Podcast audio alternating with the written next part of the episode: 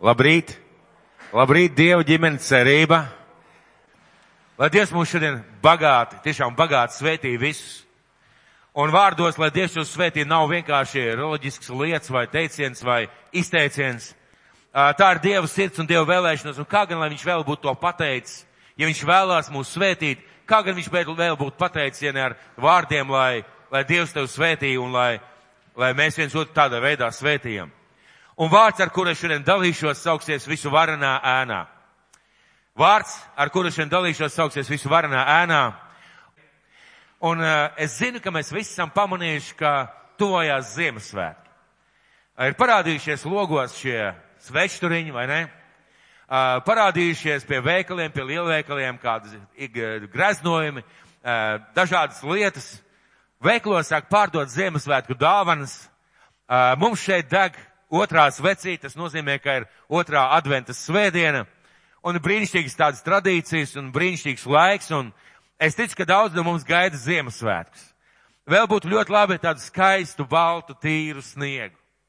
Un ticēsim, ka kaut kādā veidā tas tā īsti sanāks. Laikam nav viss atkarīgs no mums, un varbūt kāds lūdz par sniegu, es nezinu, bet ticēsim, ka būs šis sniegs atnāks un ka mēs varēsim Ziemassvētkus svinēt arī vizuāli tādā gaišā atmosfērā. Un tomēr otrie Ziemassvētki, jeb Ziemassvētki, un drīz skanēs dažādi vārdi no kancelēm, no cilvēku lūpām, no mutēm, no dziesmām, par Jēzus Kristus piedzimšanu, par uh, zvaniņiem, par eņģeļiem. Un es gribētu šodien arī sākt ar vārdiem no Iesaijas grāmatas devītās nodaļas. Iesaijas grāmata devītā nodaļa runā par Ziemassvētku notikumu. Un tur rakstīts tā, jo mums ir piedzimis bērns mums ir dots dēls. Mums ir piedzimis bērns, mums, tas ir cilvēkiem, ir dots dēls, Dieva dēls. Un tad sākās apraksts, kāds ir šis dēls. Jo, ka vienkārši dēls tā ir lieliska lieta, bet kāds ir šis dēls, kas ir ar šo dēlu un kāds viņš ir. Un tālāk rakstīts, valdība guļ uz viņa kamiešiem, Viņa vārds ir brīnišķīgais padoma devējs, varenais dievs, mūžīgais tēvs un miera liels kungs. Valdība guļ uz viņa kamiešiem, viņa vārds ir brīnišķīgais padoma devējs, varenais dievs, mūžīgais tēvs un miera liels kungs. Un tas, kā Dievs šajā vietā pasaka, viņš nepasaka viņu vienkārši tā sauc.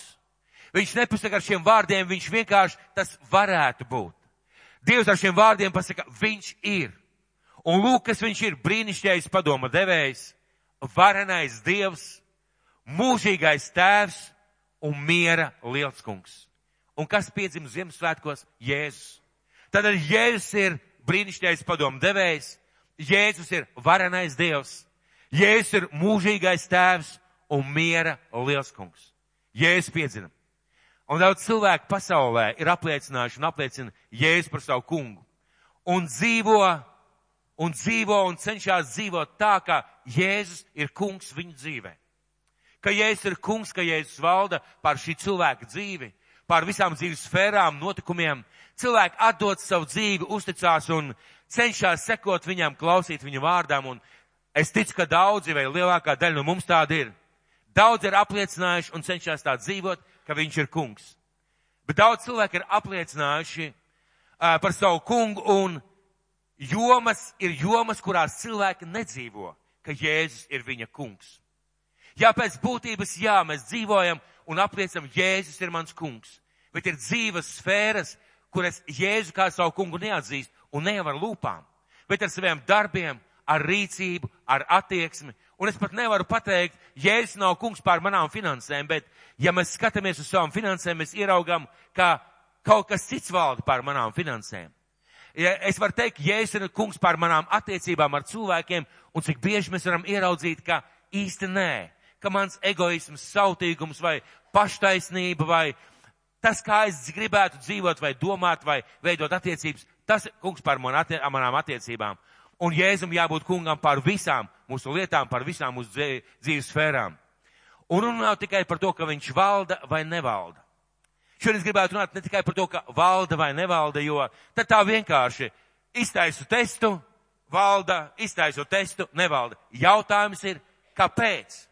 Kāpēc viņš valda pār manas dzīves sfērām? Un kāpēc viņš nevalda pār manas dzīves sfērām? Kāpēc tā ir, ka es dievkalpojumu var, var atnākt un šeit skan dziesmā, es ar slavas dziesmām es tev pateicos, es tev pielūdzu, un es tomēr stāvu ar saknieptām lūpām un domāju, kad ātrāk beigsies slavēšana. Bet slavēšana ir Dieva griba. Slavēšana ir Dieva griba. Tā ir Dieva pavēle, un tas nav personīgi ne uz vienu. Personīgi ne uz vienu neuztveriet personīgi. Runiet par to, kā, kā mēs attiecamies pret to, un mēs dziedājam dziesmu, es atdodu tev visu savu dzīvi. Tu esi mans kungs. Un šodien padomāsim par to, vai viņš ir kungs mūsu dzīvē. Jā, lielā, lielos mēros, jā, viņš ir kungs mūsu dzīvē. Bet, ziniet, ir viena kāda interesanta lieta.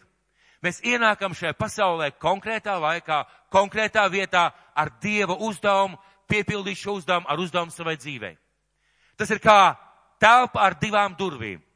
Pa vienām durvīm mēs ienākam caur ieņemšanu, un Dievs iepūš mūsos dvašu. Tad ir laiks, kurā mēs dzīvojam, un tad ir durvis, pa kurām mēs aizējam. Un ja jē, kāds cilvēks ir pieņēmis Jēzu par savu kungu, atzinis, nožēlojas grēks un teicis, es tev atdodu savu dzīvi, es pieņemu tev par savu kungu, un cilvēks ir atzimis no gara, piedzimis par jaunu, viņš ir glābts. Un tās durvis otras telpas otrā pusē ir vaļā. Šis cilvēks tiks izglābts. Jautājums ir, kas notiek ar manas dzīves posmu? Kas notiek ar to laiku, kuru es pavadu šeit? Un mēs zinām, tie cilvēki, kas pieņēmuši Jēzu vai atzinuši viņu par savu kungu, viņiem vienmēr ir šī apziņa un sapratne, ka, ja gadījumā ar mani kas notiek, kaut vai pēdējā mirklī es piesaukšu Jēzu, jo es viņam ticu un es tikšu glābt. Jā, bet kas notiek ar manu dzīvi? Kas notiek ar to laiku, kuru es pavadu šeit? Kas notiek ar manām emocijām, kur, kurās es dzīvoju šeit, uz zemes? Kas notiek šo 80 gadu laikā ar manu prātu? Kas notiek ar manu sirdi, kas notiek ar manām finansēm, kas notiek ar manu ģimeni, kas notiek ar tām lietām, kuras Dievs man ir uzticējis un kuras aicinājis darīt. Padomāsim par to. Mēs ienākam, Dievs iepuš elpu. Mēs aizējam, Dievs paņem garu pie sevis. Bet kas notiek ar dzīvi? Un lūk, šeit, šajā posmā, kur mēs dzīvojam, ir izšķiroši svarīgi mūsu dzīves kvalitātei, vai Jēzus ir kungs pār mūsu dzīvi. Es minēšu kādus pāris piemērus. Piemēram, ja Jēzus ir kungs pār tavām attiecībām, un tu kā nepilnīgs cilvēks reizēm kļūdies, reizēm kaut ko pasaki, reizēm sadusmojies, reizēm nepasaki līdz galam, bet tu domā par to, ka viņš ir kungs un tu mācies, tu prasi Dievs, palīdz man veidot attiecības ar tuviniekiem, ar radiniekiem. Tu klūpi un krīti un ej atpakaļ un atkal kārto šīs lietas, nožēlo un Dievs dod žēlastību un attiecības atjaunojās un sakārtojās. Bet kas notiek, ja es palieku savos uzskatos un savos spriedumos? Mēs pavadām pagājušo nedēļu, pavadījām brīnišķīgā laikā, mēs mācījāmies par uh, šo dvēseli kalpošanu, par dziedināšanas kalpošanu cilvēku dvēselēm. Un šie pasniedzēji, kā svaidīt cilvēku šajā sfērā, viņi kā, viņi kā karte atvēra cilvēka dzīvi. Un pateica, cilvēkam ir bailes, cilvēkam ir šaubas, cilvēkam ir ievainojumi, cilvēkiem ir sāpes, cilvēkiem ir vilšanās, cilvēkiem ir nedrošība, cilvēkiem ir dažādas problēmas un pat dēmona apsēstība. Un tas viss ir dzīves laikā. Un ja mēs kādu sfēru nenododam un necenšamies dzīvot tā, ka Jēzus valda par šo sfēru, Mēs cietīsim sakāvu savas dzīves sfērā. Mēs cietīsim sakāvu, mēs nevaram būt par liecību. Un pats galvenais, mūsu dzīvē būs daudz, daudz vilšanās un sāpju. Daudz vilšanās un sāpju.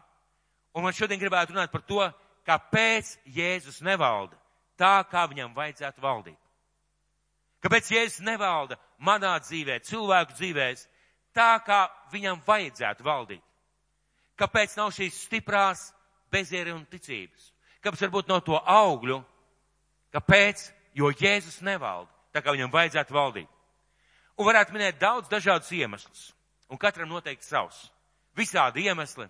Es nāku no tādas ģimenes, man ir tāda pieredze, man ir tāda notikuma pagātnē, man ir tādas lietas notikušas, man šobrīd tāda situācija, man ir slimība, man ir problēmas, man ir vajadzība, man ir aizņemtības. Dažādas iemeslus varētu minēt, kāpēc Jēzus kaut kādā sfērā nav mans kungs.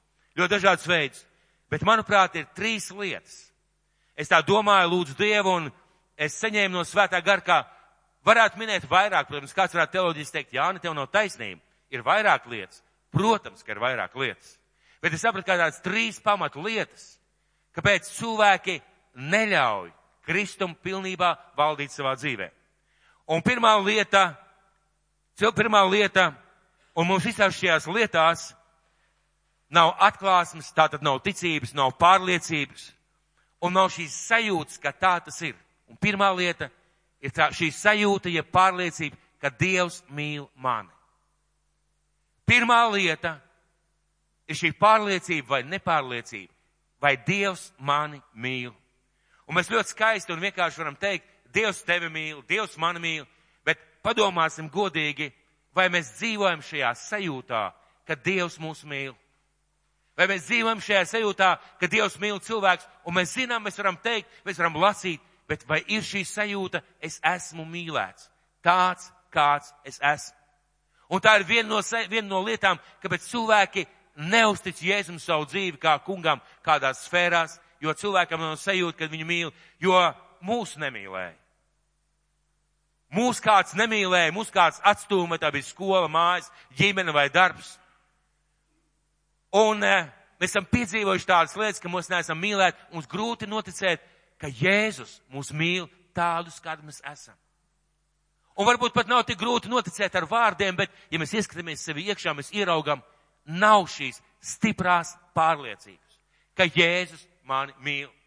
Otrā lietība, otrais iemesls, ka Dievs ir labs. Jo apkārt ir tik daudz sliktu, ļaunu lietu, uh, dažādas lietas, un pat vecāki, kuri mūs mīlēja, viņi kļūdījās. Un mēs, kad augam kā bērni, mēs pieņemam to pasaules modeli, kas nāk no ģimenes, mēs ieraugam, ka vecāki, kuri mīlējās, reizēm sabāra pa velti. Reizēm bija netaisnīgi pret mums, reizēm nepasargāja, kad vajadzēja pasargāt, reizēm lika kaut ko darīt, ko mēs negribējām. Un mēs varam ieraudzīt, ka pat ja mēs noticam, ka mūs mīl, mēs varam ieraudzīt, ka ne visi ir labi un ne visi ir labi. Mums ir tik grūti saprast, tik grūti pieņemt, ka Dievs ir labs. Viņā nav nekādas ēnas, nevienas lietas, ko Dievs darītu ļauni, nepareizi vai slikti. Nevienas lietas. Un mēs nedzīvojam šo atklāsmu, un tieši tāpēc reizēm grūtībās mums ir tik grūti noticēt, ka visas lietas ticīgiem nāk par labu. Mēs esam lasījuši šo vietu, jūs ziniet, visas lietas manam ticīgiem nāk par labu. Bet kāpēc ir tā? Kad atnāk sarežģījumi, parādās jautājums, kāpēc? Kāpēc Dievs? Jā, protams, jāpadomā, varbūt ir grēks, nepareiza rīcība, nepareiza lietas, bet kāpēc? Un mums ir grūti noticēt, ka visas lietas ticīgām nāk par labu, jo viss Dievā ir labs. Viss ir labs. Un mēs visi baidamies no tām lietām, kas var ienākt mūsu dzīvē. Un trešā lieta, par kuru šodien gribētu runāt, par ko es gribētu sludināt, un cilvēki var apliecināt, cilvēki var teikt, var ticēt ar vārdiem, bet iekšā nav pārliecības, ka Dievs ir visu varens. Iedomājieties, Dievs ir visu varens. Tas nozīmē, ka Dievs var visu. Nav nevienas lietas, ko Dievs nevarētu. Un mums nav šīs pārliecības, mums nav šīs ticības, ka Dievs ir visu varens. Nav nekā tāda, ko viņš nevar, jo mēs esam ierobežoti. Cilvēki, kas mūs mīlēja, cilvēki, kuriem mēs bijām dārgi, ir bijuši ierobežoti, un apkārt mēs skatāmies, ir ierobežota pasaule. Mums tik grūti iedomāties, ka Dievs stāv ne šajā pasaulē fiziskā veidā, viņš stāv aiz pasaules, pāri pasaulē. Viņš bīda laikus, notikumus, situācijas, kā viņš vēlās, un viss viņam ir pakļauts. Mums ir grūti nocēt, ka Dievs ir visu varans. Un vienalga, kas tas ir, viņš visu spēj. Bet mums ir jānotic, mums ir jāpieņem, mums ir jādzīvo iekšā, jābūt pilnīgai pārliecībai, ka Dievs Tēvs, Jēzus Kristus un Svētais Gars mūs mīl. Mūs mīl tādus, kāds mēs esam. ka viņš ir labs Dievs, ka viņam nav nekādas tums un ka viņš ir visu varans. Ka mūsu Dievs ir visu varans. Ka viņš ir spēj, ka viņam nav nekāda ierobežojuma. Vai jūs tam ticat? Mēs sakam, ka mēs ticam, jā? Ja? Lieliski. Bet vai vienmēr tā godīgi sakot mums ir šī pārliecība? Vai vienmēr ir šī pārliecība? Vai vienmēr mums ir šī stiprā ticība, ka Dievs ir visu varans?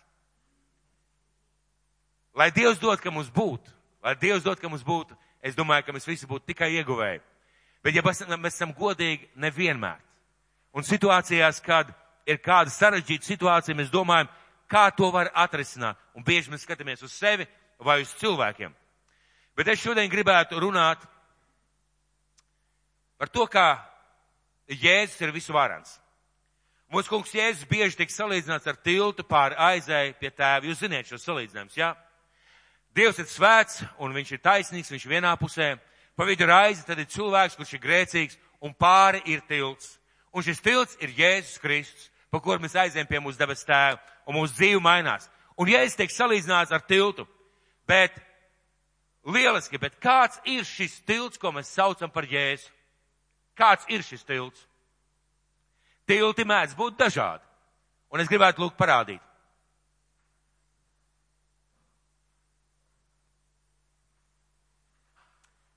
Vai jūs redzat šo tiltu?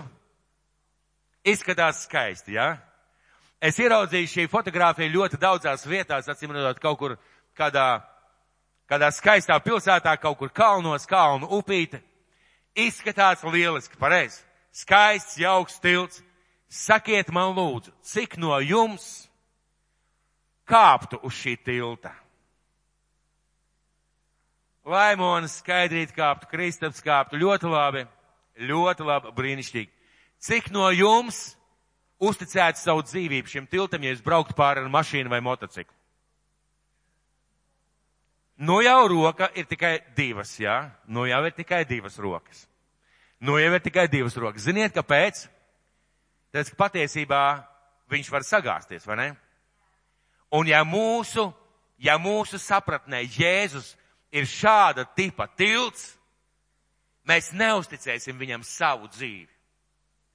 Mēs teiksim, jā, Jēzus, tu izskaties skaisti kā tilts, tu esi tilts pie tēva, varbūt, ka varētu nomesties uz vēdera un tā kaut kā pāršļūkt pāri, ja? vai tā plakne ir lielākā pa ledu rāpo, vai ne?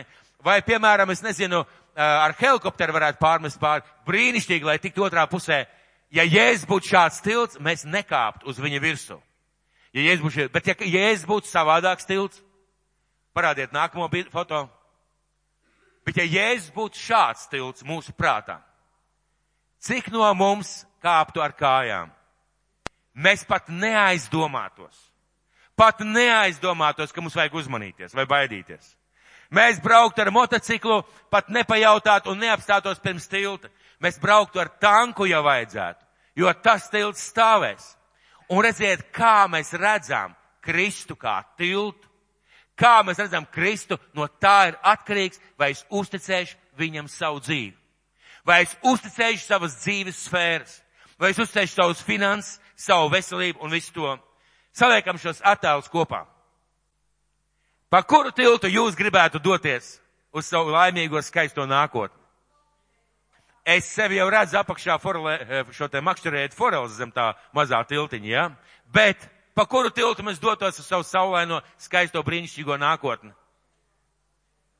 Un es gribu sludināt par kādu vīru, kurš saņēma brīnumu tāpēc, ka ticēja, ka Dieva dēls, ka Jēzus, ka viņš ir, ka viņš ir Dieva, dēls, ka Jēzus ir Dieva dēls un ka viņš spēja visu, tāpēc, ka pārstāv un ka sūtīts no visu varanā Dieva. Ka pārstāv visu varano Dievu un ka sūtīts no visu varanā Dievu. Un ka Dievam nav nekas neiespējams.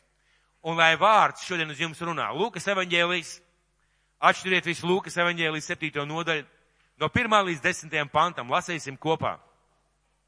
Lūkas evaņģēlijas 7. nodaļa no 1 līdz 10 pantam. Kad nu viņš visus savus vārdus ļaudim bija pabeidzis, tad viņš iegāja Kapernaumā. Tur kāds virsnieka kalps, kam tas bija mīļš, gulēja slims uz miršanu. Dabūjis dzirdēt par Jēzu, Tas nosūtīja pie viņa jūdu vecajos un viņu lūdza, lai nāktu viņa kalpa dziedināt. Un pie Jēzus nogājuši tie viņu mīļi lūdz sacīdam, viņš ir vērts, ka tu viņu paklaus. Jo viņš mīl mūsu tautu, mums ir uzcēlis šo sinagogu. Un Jēzus gāja tiem līdzi. Bet, kad viņš vairs nebija tālu no tā nama, tad virsnieks sūtīja draugus pie viņa un lika viņam sacīt, kungs nepūlies, jo es neesmu cienījis, ka tu nāci zem mana jumta. Tāpēc arī es pats neesmu turējis sev par cienīgu nākt pie tevis. Bet saki tik vienu vārdu, tad mans kalps kļūs vesels. Jo ir es esmu cilvēks, kas stāv zem priekšniecības, un man ir padoti karēvi. Un ja es kādam saku, ej, tad viņš iet, un otram nāc, tad viņš nāk, un savam kalpam dari to, tad viņš dara. Bet Jēzus to dzirdēja, par viņu brīnījās. Je, bet Jēzus to dzirdējis, par viņu brīnījās. Un pagriezies uz ļaudīm, kas viņam gāja līdzi, sacīja, es jums saku, tādu ticību es pat Izraēla ļaudīs neesmu atradis. Un tie, kas bija sūtīti, atgriezās mājās, atrada kalpu veselu. Un tie, kas bija sūtīti, atgriezās mājās un atrada kalpu veselu. Ko mums svētais gars ar šo vietu grib pateikt? Vai jūs ticat, ka Bībele nav vienkārši grāmata, ka Bībele nav vienkārši Dieva vārds, ka tas, ko mēs šodien lasām, nav vienkārši teksts, ko mācītājs izlasīja, lai aizpildītu laikus prediķī?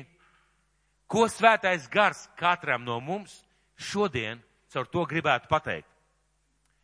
Un eh, kāpēc šis cilvēks saņēma dziedināšanu? Kāpēc šis cilvēks saņēma dziedināšanu? Mēģināsim atrast atbildi. Un tā tad no otrā līdz trešajam pantam. Vai jūs lasat kopā ar mani? No otrā līdz trešajam pantam.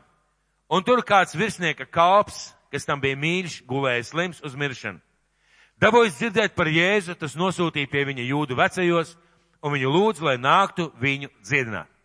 Tātad, tas bija Romas oficieris, romietis pēc tautības, nezinu kāda tautība, bet romietis pēc pilsonības oficieriem bija pakļaut apmēram simts cilvēku, un viņš nosūta jūdu vecajos pie Jēzus un rakstīts nevis pavēlēja, bet viņu lūdza, lai viņš nāk viņa namā. Lai viņš nāk viņa namā. Jūda vecie atnāk un tie pie Jēzus nogājuši, tie viņu mīļi lūdz sacīdam. Viņš ir vērts, ka tu viņu paklaus. Viņš ir vērts, ka tu viņu paklaus. Un Romas oficierim, kā es teicu, jau bija apmēram simts cilvēku. Viņš bija dzirdējis par Jēzu un viņš nosūtījās vecajos. Uh, šim cilvēkam varēja būt tūkstošiem iemeslu, kāpēc nesūtīt nevienu un pašam neiet pie Jēzus. Tūkstošiem iemeslu. Ja mēs iedomājamies tā laika pasauli, viņš bija Romas karavīrs, virsnieks, un Romas karavīri darīja pāri nepārtraukt ebreju cilvēkiem. Viņi bija iekarojuši šo teritoriju un viņi valdīja pār ebrejiem. Šim cilvēkam bija cita tautība, cita valoda, cita nacionalitāte. Un pēc būtības ēž, romieši skatījās no augšas uz ebrejiem, ebreji skatījās kā uz pagāniem, bet romieši skatījās no augšas uz šiem cilvēkiem. Un viņam varēja būt lepnība, viņam bija status, viņam bija vara, viņš bija ķē, ķē, Romas ķē, ķēzara imperatora, tātad šis te pārvaldībā un virsnieks, un viņam varēja būt tūkstošiem iemeslu, kāpēc nesūtīt pēc Jēzus. Zināt, ka Jēzus var dziedināt, dzirdēt, ka viņš nāk uz pilsētu, bet nesūtīt vai vismaz likt aicināt un pavēlēt. Viņš sūta un lūdz. Sekiet lūdzu, kādi mums ir argumenti, kad mēs it kā nesūtam pēc Kristus Zinām, ka viņš var, zinām, ka viņš spēj, zinām, ka viņš vēlētos, zinām, ka viņš mīl, bet nesūtam pēc jēzus mūsu dzīves situācijās. Nesaucam uz viņu, nemeklējam viņu, nevēršamies viņu no pie viņa, no visas savas sirds. Un svarīgi ieraudzīt, ka viņš bija labs cilvēks. Un jūda vecie saka, viņš ir tā vērts, viņš ir tā vērts, viņš ir uzcēlis uh, sinagogu mūsu tautai, viņš mīl mūsu tautu. Un ļoti interesanta frāze bija kalps, kas gulēja slims, bija mīļš. Tas nozīmē, ka šis cilvēks nebija cietsirdīgs vai augstasinīgs vai tāds a, ciets. Viņa sirds bija maiga, atvērta, mīloša, kaut gan viņš bija oficieris un viņš bija karavīrs. Un sūtīja ne tāpēc, ka viņam nebija citas izējas, tagad ļoti uzmanīgi paklausieties. Viņš sūtīja ne tāpēc, ka viņam nebija citas izējas. Mēs bieži nākam pie Dieva tāpēc, ar savu vajadzību konkrēti, jo mums nav citas izējas. Viņam bija cita izēja - aicināt ārstus, viņam bija iespēja uh, vienkārši ļaut, lai šis kalps aiziet mūžībā, viņam bija cita iespēja. Viņš neaicināja tāpēc, ka viņam nebija iespējas. Viņš neaicināja tāpēc, ne tāpēc, ka Jēzus bija brīnumu daris vai kaut kāds brīnumu darītājs, bet tāpēc, ka viņš ticēja, ka ebrejiem ir patiesa īsta atklāsme par Dievu. Patiesa īsta atklāsme par Dievu un ka viņi kalpo īstajam Dievam. Kāpēc? Jo viņš par savu naudu bija uzcēlis sinagogu. Un mēs savu naudu ieliekam tikai tajās lietās, kas mums liekas vērtīgs. Ko tas nozīmē? Tas nozīmē, ka šis cilvēks bija piedzīvojis un saprats, ka Dievs ir, ka Dievs ir ebreju tautā, un viņš centās kaut kādā veidā kalpot vai izpeldīties šīs te tautas un ebreju uh, un dievu labvēlību. Un viņš ticēja, ka Jēzus Kristus ir Dieva sūtīts. Viņš ticēja, ka Jēzus Kristus ir Dieva sūtīts. Kāds teiks, kā viņš varēja zināt? Kā viņš varēja ticēt, ka Jēzus Kristus ir Dieva sūtīts? Skatīsimies tālāk. Jo viņš mīl mūsu tautu, mums ir uzcēlis šo sinagogu. Un Jēzus gāja tiem līdzi. Bet, kad viņš nebija vairs tālu no tā nama, tad virsnieks sūtīja draugus pie viņa un lika viņam sacīt, kungs, nepūlies, jo es neesmu cienīgs, ka tu nāc zem mana jumta. Kungs nepūlies, ka es esmu cienīgs, ka, viņš, ka tu nāc zem mana jumta. Kad viņš sūta savus draugus, kad viņš e, sūta šos vecajos, viņš patiesībā parāda pazemību. Viņš parāda pazemību un atzinību, ka Jēzus viņa dzīvē ir vajadzīgs. Un mums bieži ir vajadzīga šī pazemība, lai atzītu, ka kungs, es atdodu tev šo sfēru.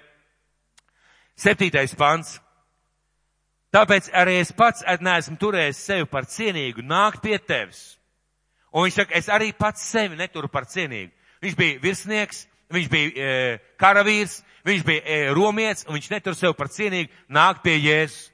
Un tālāk seko pats interesantākais.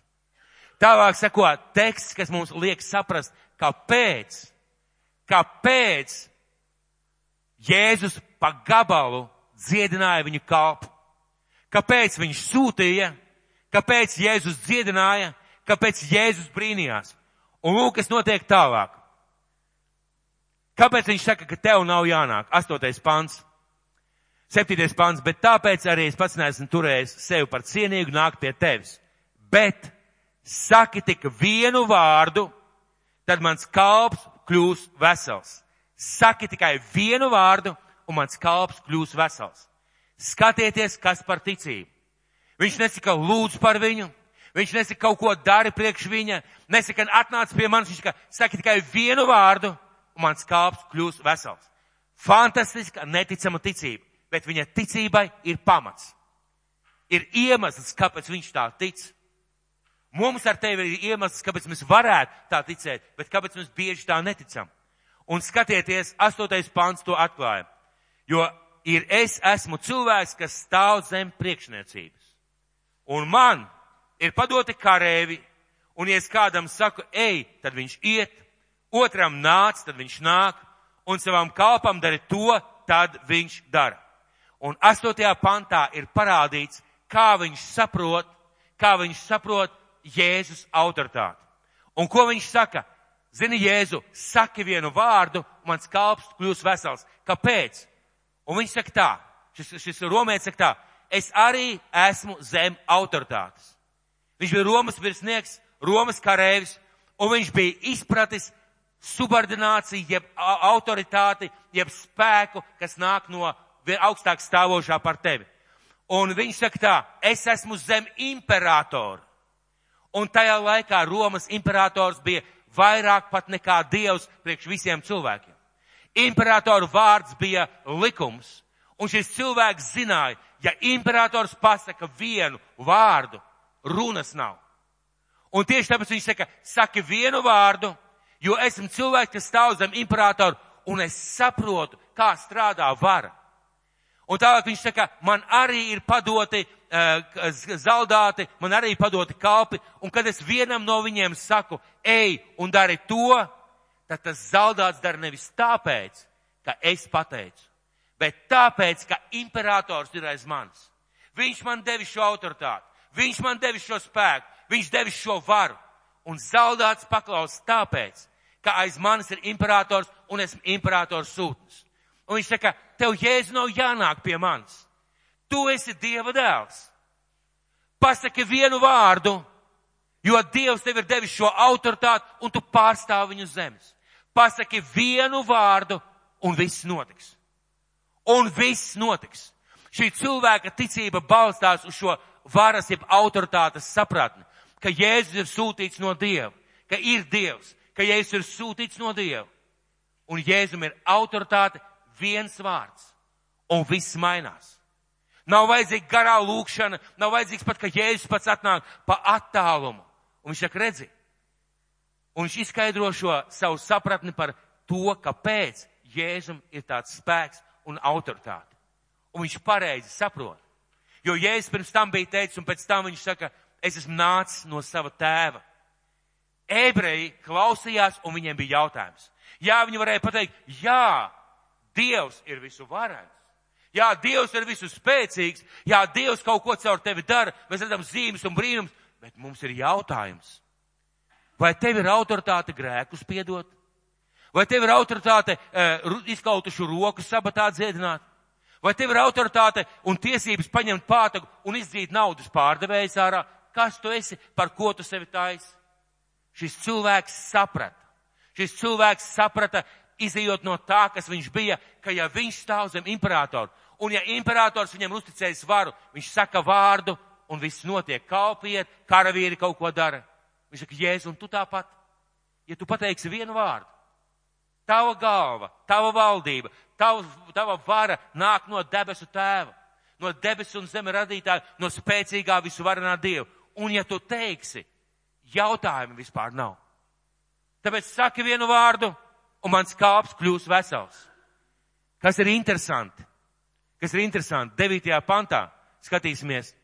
Bet Jēzus to dzirdējis, par viņu brīnījās. Jēzus par viņu dzirdējis, par viņu brīnījās. Ziniet, ka Jēzus būtu brīnījies ir minēts divās vietās. Šajā vietā un vēl, um, un vēl Marka evaņģēlijā sastajā nodaļā, ka viņš brīnījās par viņu neticību.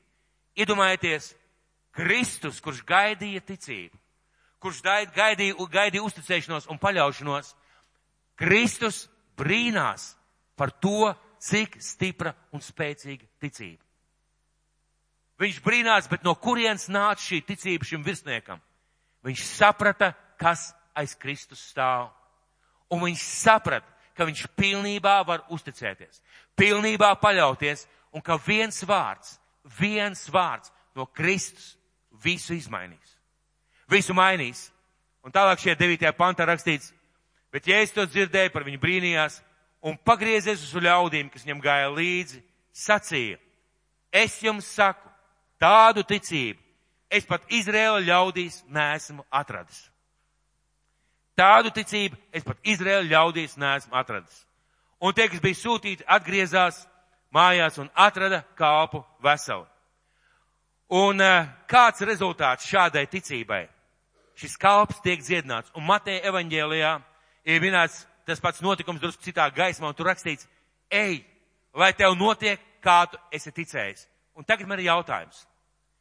Ej, lai tev notiek, kā tu esi ticējis. Man tev ir jautājums. Par dzīves sfērām mēs sākam šo sarunu. Ja mēs neusticam savus dzīves kādu sfēru Kristum, kā visvarenajam, gudriem un spēcīgiem Dievam, kā notiks pēc mūsu ticības? vai pēc tā, kā viņš būtu gribējis darīt? Kā jūs domājat? Jā, Dievs ir varants, viņš ir mīlošs, viņš ir piedodošs. Ir lietas, kurās viņš darbojās pārdabiski un darbojās ārpus mūsu zināšanas, varēšanas vai sapratnes. Bet ja mēs kaut ko neusticam Kristum, pēc kā ticības notiks? Pēc mūsu ticības. Vai mēs ticam un atdodam, vai mēs neticam un neatdodam. Un tas ir ļoti svarīgi ieraudzīt. Un svarīgi tas ir mums, ko viņš grib, Dievs to šiem vārdiem grib pateikt. Viņš ticēja, ka Dievs ir visvarants, bet viņš ne tikai ticēja, viņš bija spiest sūtīt un viņš sūtīja un viņš lūdza, lai šis, šis jēzus ienāk viņa namā. Viņš varēja vienkārši teikt, būtu labi, ja jēzus dziedinātu. Būtu labi, ja jēzus palīdzētu. Būtu labi, ja jēzus darītu manā dzīvē kaut ko tādu. Vai jūs tā esat teikuši? Visi mēs esam teikuši, būsim godīgi. Cik labi būtu, ja man nelūstu mašīna. Cik labi būtu, ja man būtu jauna mašīna. Cik labi būtu, ja man būtu lielāka alga. Cik labi būtu, ja man būtu labāka veselība. Cik labi būtu, ja man tuvinieki, radinieki atgrieztos. Vienkāršā lieta, ko šis cilvēks izdarīja. Viņš ticēja, ka Jēzus var visu. Viņam nebija ne mazāko šaubu. Un viņš savu ticību apliecina ar šo sapratni, kā viņš redz varu un autoritāti. Jautājums ir, vai mēs ticam, ka Jēzus Kristus ir Dieva dēls. Ka Jēzus uz Jēzus Kristu ir mūžīgais Dievs, varnais tēvs un autoritāte un viss spēks ir uz viņu. Vai mēs tam ticam? Ja mēs tam ticam, mēs attiecīgi arī rīkosimies. Ko tas nozīmē attiecīgi rīkoties? Ko tas nozīmē attiecīgi reaģēt?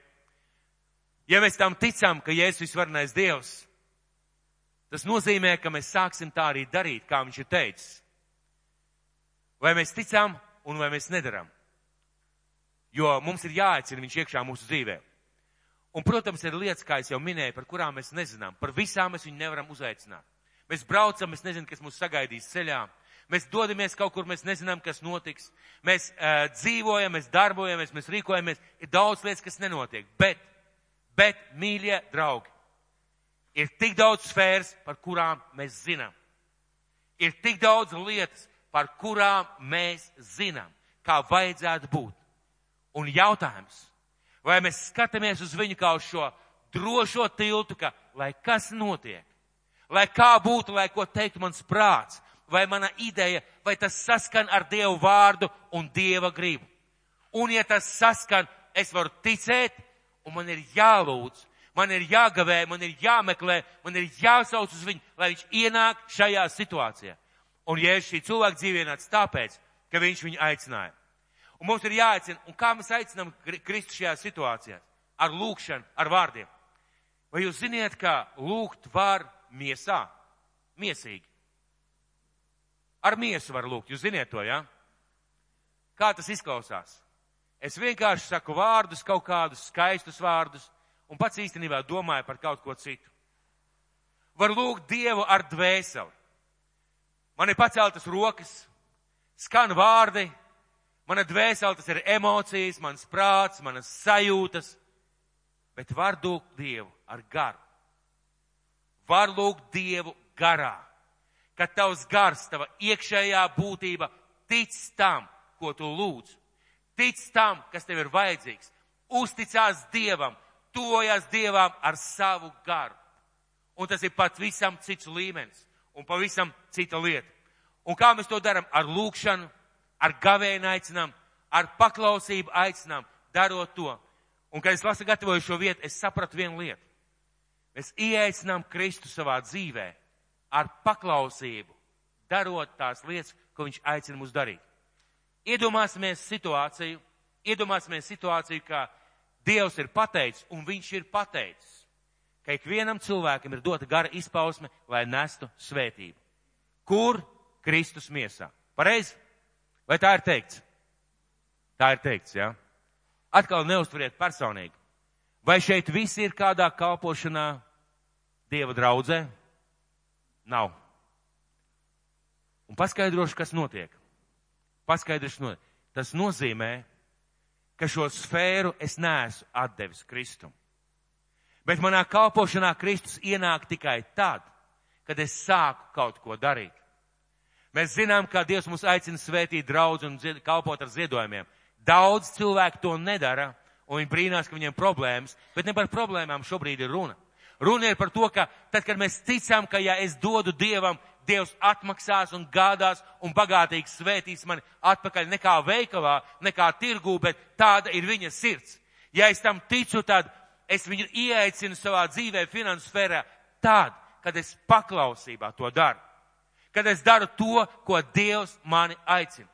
Par piedošanu, kurā mirklī Kristus ienāk manas un brāļa attiecībās, kurā mirklī viņš ienāk, ja mūsu starpā ir nepiedošana.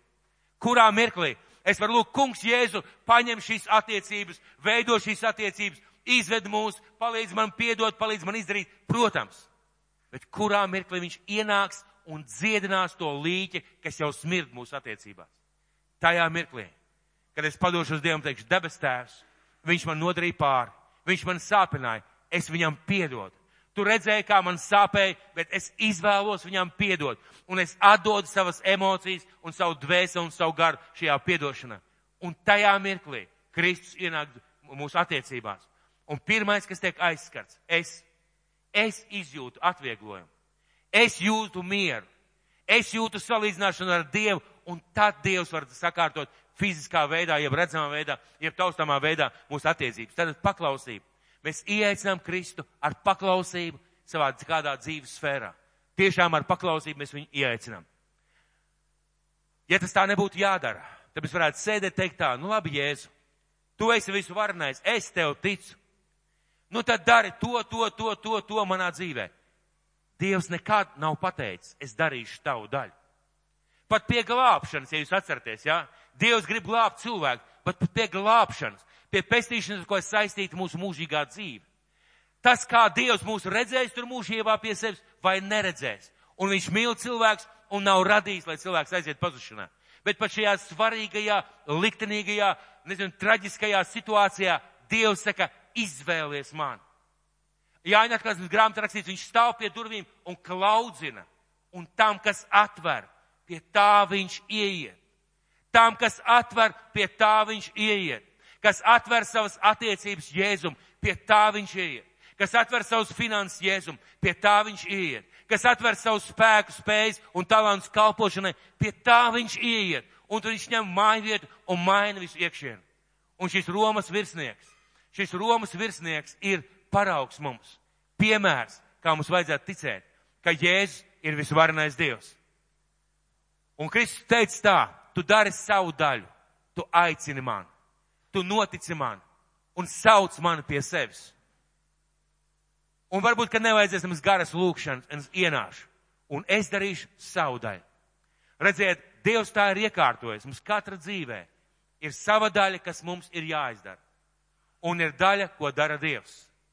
Dievs pirmais mūs aicina, pirmais mūs velk, pirmais mūs skubina, dod vārdu, aicina darīt kādas lietas. Dievs mūs aicina. Bet vai atsaukties vai neatsaukties, ir mana darīšana, jeb mans lēmums. Mums šajā, es gribu jums uzdot kādu jautājumu. Kā jūs domājat, kad satiekās cilvēka griba un dieva griba kādā jautājumā, kā griba uzvar? Tātad satiekā, kādā jautājumā satiekās dieva griba un satiekās cilvēka griba. Kura, kura griba uzvar? Kā jūs domājat, kā griba vienmēr uzvar? Satiekās dieva griba un cilvēka griba. Taisnība māsa. Uzvar cilvēka griba. Kāpēc uzvar cilvēka griba? Dievs nāk ar savu plānu, ar savu ideju, un tikai cilvēks var pieņemt. Tikai cilvēks izvēlās, es pieņemšu, es paklausīšu, es tā darīšu vai nē. Tikai cilvēks izlēma. Tas nozīmē, ka ja Dievs grib ienākt manā dzīvē, kaut kādā sfērā. Viņš klauvēs, viņš runās, viņš dos vārdu, viņš mācīs, viņš runās caur cilvēkiem, bet es izvēlos. Es izvēlos, vai es paklausīšu, vai es nepaklausīšu. Un ja es paklausu, viņš ienāk un ar vienu vārdu visu maina. Un ar vienu vārdu visu maina. Mums to vajadzētu saprast, un vajadzētu saprast, ka Jēzus ir visvarens. Un ja es saprotu, ka Jēzus ir visuvarens Dievs, man nav grūti viņam uzticēties. Man nav grūti viņam uzticēties. Ja es saprotu, ka viņš visu varenais Dievs, ka viņš visu spēj, ka viņš visu var. Un es gribētu izlasīt vēl vienu vietu, vēstuli Filipiešiem 4. nodaļa 13. pants. Vēstuli Filipiešiem 4. nodaļa, 13. pants. Un uh, visa tā gaismā mēs varam saprast, ko Pāvils ar to bija domājis. Vēstuli Filipiešiem 4. nodaļa, 12. un 13. pants. Es protu būt zems, protu arī dzīvot pilnībā. Esmu ieskatījos visādos likteņos. Protu būt paēdis un izsalts, dzīvot pilnībā un ciest trūkumu. Es visu spēju tā spēkā, kas mani dara stipru. Un kādreiz es domāju, kā Pāvēl tu to vari apgalvot? Nu kā tu vari apgalvot, ka tu visu spēj? Un šajā vietā, mīļie draugi, uz mirkli uzmanības. Kad mēs lasām Pāvila vēstules, mēs neredzam jociņus. Mēs neredzam, ziniet, tādus divdomīgus teicienus, mēs neredzam tādus teicienus, es uzrakstīju tā, bet varbūt es vispār tā nebiju domājis. Jums man jāmēģina saprast garīgi, kā es to biju domājis. Kad viņš saka, es visu spēju tā spēkā, kas mani stipru dara. Viņš tā arī domā. Un Dievs to ir apstiprinājis ieliekot to Dievu vārdā. Un, mīļie draugi, ja mēs atdodam Dievam ne tikai savu dzīvi, bet arī dzīves sfēras, un ja mēs paklausam viņam lietās, kuras viņš aicina darīt vai nedarīt, mēs visu spējam tā spēkā, kas ienāk kā visvarenais Dievs un maina visu. Un romiešu virsnieks to piedzīvoja. Romiešu virsnieks to piedzīvoja. Mateja evaņģēlijā vēl trakāk teikts. Viņš vērsās pie tiem apkārtējiem un teica, tajā dienā tik daudz nāks no pasaules malām un sēdēs ar, ar Ābrahamu debesu valstībā, bet valstības bērni būs izstumti ārā galējā tumsā. Un šiem cilvēkiem tas bija jānoklausās viena iemesla dēļ, tāpēc, ka viņi, ka viņi ticēja, ka Jēzus ir atnācis, bet ne īsti no Dievu. Viņi ticēja, ka viņš var darīt brīnums, bet ne īsti no Dievu. Romietis ticēja bez iebildumiem, un viņš piedzīvoja, lai Dievs mūs svētī, ka mēs redzam un ticam Kristum kā visvarenajam Dievam. Jo Viņš ir mūsu spēks, un Viņš var to izdarīt. Atcerieties, mēs sākām divkalpojumu ar vārdiem no 91. psalma. Ar vārdiem no 91. psalma mēs sākām. Vai kāds atcerās, ar ko tur sākās šie vārdi? Ar jautājumu sākās ar jautājumu, un jautājums bija, kas dzīvo visaugstākā patvērumā un mīt visu varenā ēnā? Tātad jautājums ir, kas dzīvo visu augstākā patvērumā, tātad Dieva klātbūtnē un mīt visu varenā ēnā? Iedomājieties, šie vārdi nav tikai tēlaini. Ja mēs iedomājamies Dievu un iedomāsimies, ka viņam ir ēna, iedomāsimies, ka viņam ir ēna, Lai tu būtu viņam tuvu, lai tu būtu patvērumā, tev ir jābūt viņa ēnā. Tas nozīmē, ko, ka šajā psalmā teikt, kas ir viņam burtiski blakus, kas dzīvo visaugstākā patvērumā un visvarenā ēnā. Tas saka, tas saka uz to kungu. Mans patvērums, mana pils, mans dievs, uz ko es paļaujos. Un mums dziļie, mīļie, mīļie draugi, mums ir ne, ne tikai dzīve kopumā, Mums ir mūsu dzīves sfēras vai lietas, kas notiek un kā notiek mūsu dzīvē. Ja mēs neticēsim, ka Dievs mūs mīl, ja mēs neticēsim, ka Dievs ir labs, un ja mēs neticēsim, ka Dievs ir visu varens, mēs šo laiku starp divām durvīm nodzīvosim ar nepareizām lietām, sasistām attiecībām, ar skumju sirdi. Un Dievs tā nav vēlējies. Kāpēc viņš mums cilvēkiem ir vēlējies pateikt, ka viņš ir visvarenais Dievs?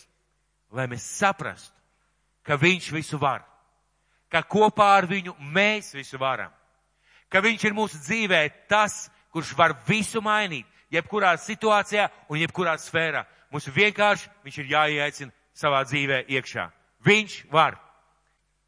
Un tas, kā vēl šo dievkalpojumu būtu varējis nosaukt, viņš var. Viņš var. Un kā šis romietis teica, saki tikai vienu vārdu. Tikai vienu vārdu. Un viss dzīvē var mainīties. Lai Dievs mums svētī!